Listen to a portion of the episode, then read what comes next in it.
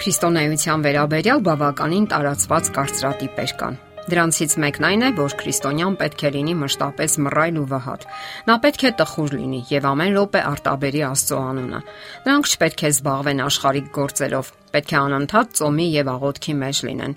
Նրանց որպես թե խորթ են մարդկային հույզերը։ Նրանք չեն ամուսնանում, չեն ուրախանում եւ այլն եւ այլն։ Բայց արդյոք դա այդպես է։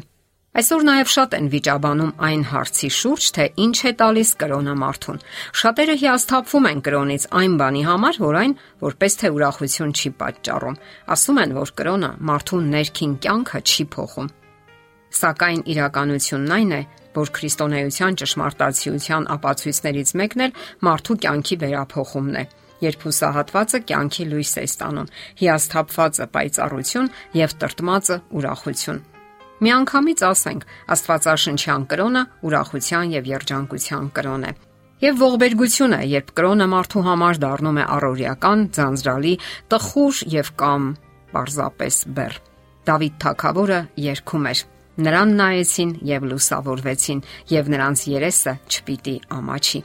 Իսկ ահա անգլերեն թարգմանության մեջ այս հատվածը հնչում է այսպես. Նայեցեք նրան եւ ուրախություն ճառագեք։ Երբ ծնվում էր աշխարի փրկիչը, հրեշտակը հրճակեց։ Մեծ ուրախություն եմ ավետում ձեզ, եւ բոլոր հրեշտակները ուրախության օշներ երգեցին։ Մարդկության վերջնական փրկագնման ժամանակ երկնային երգչախումբը երգում է Ալելույա։ Ծննդոց գրքից մինչև հայտնություն մենք թակավորություն մտնելու հրավեր ենք լսում այն թակավորությունը, որի մասին խոսում էր Հիսուսը, կյանքի ու սիրո, բարեկամության ու խաղաղության թակավորություն էր, այլ ոչ թե օրենքներով ու հրահանգներով ծանրաբեռնված հասարակություն։ Պողոս Արաքյալը նույնպես գրում է, որովհետև Աստծո արխայությունը ուտելիք ու խմելիք չէ, այլ արդարություն, խաղաղություն եւ ուրախություն Սուրբ Հոգով։ Իսկ այս ուրախությունը կարող է լինել յուրաքանչյուրինս։ Մարդկության համար երբևէ արտաբերված մեծ ագույն քարոզներից մեկում Լեռան քարոզում այսպիսի խոսքեր կան. Երանի հոգով աղքատներին, որ նրանցն է երկնքի թակավորությունը։ Երանի սքավորներին, որ նրանք կմխիթարվեն։ Երանի բառը լիովին եւ տրամաբանական ձևով կարելի է փոխարինել երջանիկ բառով եւ իմաստային որոշակի փոփոխություններ չեն լինի։ Այդ նույն մտքերը կրկնենք այս ձևով Երջանիկ են հոգով աղքատները, երջանիկ են հեզերը, երջանիկ են սրտով մաքուրները, երջանիկ են խաղաղարարները։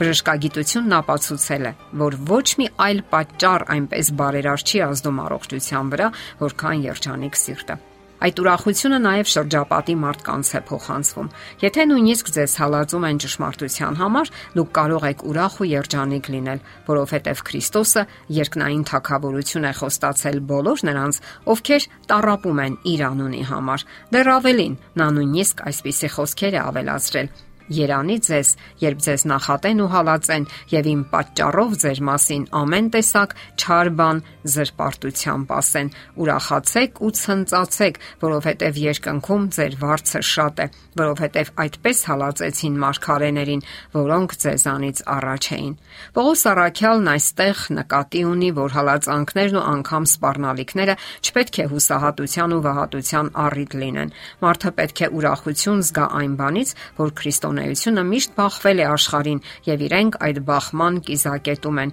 եւ դրանում ոչ մի զարմանալի բան չկա, որովհետեւ նրանք հակադիր գաղափարախոսություններ են։ Մեր աշխարհն այսօր տարապում է հենց այդ բախումների պատճառով։ Աշխարհիկ գաղափարախոսությունը ձգտում է պատերազմների, բաժանությունների, բախումների ու պայքարի, որը հակադիր է քրիստոնեական ուսմունքին, եւ իշխանության համար մղվող պայքարն ու գերազանցության ձգտումը բացակայում են այնտեղ, որտեղ մարդիկ աշխատում են օգնել միմյանց, որտեղ թակավորում է մղումը, բացահայտելու Քրիստոսի բնավորությունը եւ տարածելու նրա թակավորության սկզբունքները սիրո, փոխհմբռնման վրա հիմնված փոխհարաբերությունները ոչ միայն հաճելի են բարոյական տեսակետից, այլև ճշմարիտ երջանկություն եւ ուրախություն են պատճառում։ Շատ հաճախ Աստծո թակավորությունը նույնացվում է մշակույթի, հեղինակության, քաղաքակրթության կամ այլ մեկ բանի, որը մատչելի է միայն հասուն եւ իմաստուն մարդկանց։ Իսկ իրականում երկնային թակավորության դարպասները կարող է բացել նույնիսկ երեխան,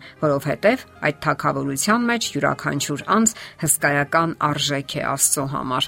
Քրիստոսը մահացավ այն բանի համար, որ փրկի թե հասարակ, թե նշանավոր մարդկանց, թե մերժված եւ թե հասարակության մեջ երևելի դիրք ունեցող մարդկանց։ Նա առանձնահատուկ թակավորության թակավորն է, շնորհքով փրկված մեղավորների թակավորության թակավորը։ Ամերիկացի նշանավոր քարոզիչ Հենրի Բիչերը այսպիսի խոսքեր ունի. Եկեղեցին քրիստոնյաների ցուցահանդես չէ, այլ հիվանդանոց է, որտեղ վերականգնվում են կոտրված հարաբերությունները, կոտրված սրտերը եւ նույնիսկ կոտրված մարմինները։ Դա մի տեղ է, որտեղ պատրաստում են նրանց, ովքեր որոնում եւ փրկում են կորսվածներին։ Ճանաչեք ուրախության կրոնը եւ եղեք ուրախ։ Ճանաչեք Աստծուն եւ քայլեք նրա հետ ձեր ողջ կյանքում Կարդացեք նրա հավերժական խոսքը եւ իմաստություն ու երջանկություն ձեռք կբերեք։ Իմաստությունն ու ուրախությունը գնում են ձեռք ձեռքի, որովհետև Աստծո թակավորությունը եւ իմաստությունը ուրախություն եւ երջանկություն է։ Եթերում է ղողանջ հավերժության հաղորդաշարը։